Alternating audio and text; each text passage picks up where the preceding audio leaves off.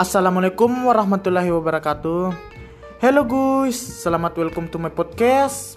Ini adalah podcast kedua saya di mana kali ini saya akan membahas tentang emosi dalam psikologi komunikasi. Tetapi sebelum saya bahas, saya ingin menyampaikan apa sih itu komunikasi?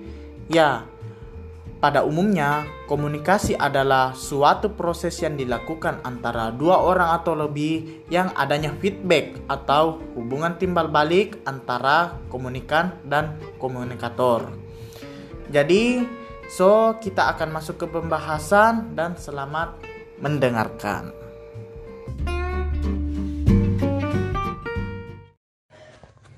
Dalam hidup kita, sering kali mengalami yang namanya konflik dengan diri kita sendiri.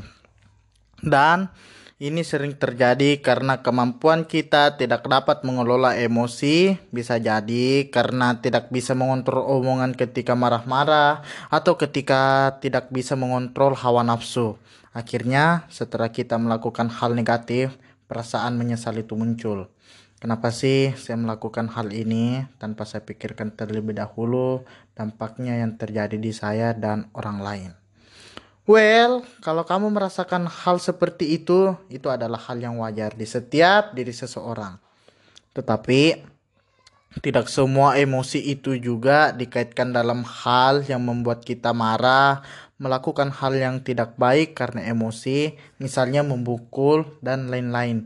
Yang intinya di pikiran kita itu tentang emosi adalah tindakan kekerasan. Padahal sesungguhnya emosi itu adalah sifat dalam diri manusia yang memang itu susah dikontrol oleh diri kita sendiri, seperti marah, sedih, senang, takut maupun jijik. Dalam hal ini juga, emosi adalah sesungguhnya sifat manusia yang sulit dikontrol oleh dirinya sendiri. Namun, kita sebagai manusia yang berakal, berakhlak, bermoral, dan bermartabat, kita harus bisa mengendalikan yang namanya emosi itu sendiri, apalagi dalam melakukan komunikasi secara verbal maupun nonverbal. Karena jika kita berbicara dengan orang lain tanpa memahami emosi dari seseorang yang kita hadapi berbicara, takutnya orang itu membenci kita atau terjadi konflik di antara kita dan dia. Semisal, janganlah kita senang terhadap teman kita yang lagi sedih dan cerita kepada kita. Oh, jangan.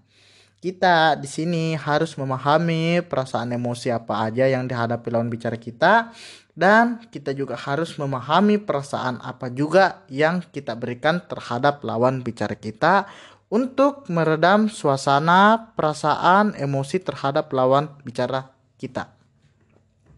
Emang sih yang namanya emosi itu susah diredam. Apalagi soal masalah yang kita hadapi Terkadang kita perlu yang namanya dukungan dari teman atau sahabat maupun orang yang spesial dalam hidup kita. Kalau ada, ya kalau ndak ada ya sama sahabat aja sih. Nah, apalagi yang masalah kita hadapi adalah tentang perasaan kamu ke dia, tetapi dianya berpaling dari kamu. Aduh, di sinilah yang kita perlu dukungan dari yang namanya seorang sahabat.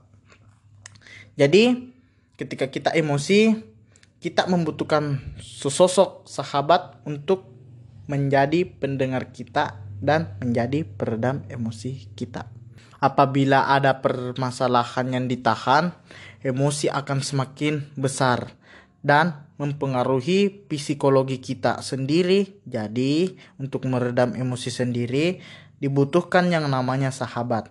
Dengan cara menceritakan keluh kesah kita kepada sahabat dan dia akan merespon dan memberikan saran terbaiknya buat kita.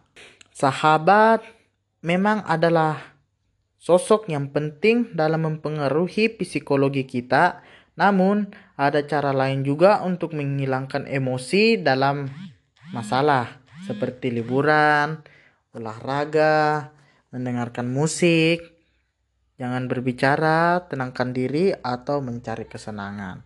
Dan yang utama itu adalah melupakan masalah yang membuat kita itu emosi. Ya, pada intinya sih kita sebagai manusia itu harus bisa mengendalikan yang namanya emosi, apalagi emosi yang mengakibatkan kita menjadi temperamen terhadap orang lain.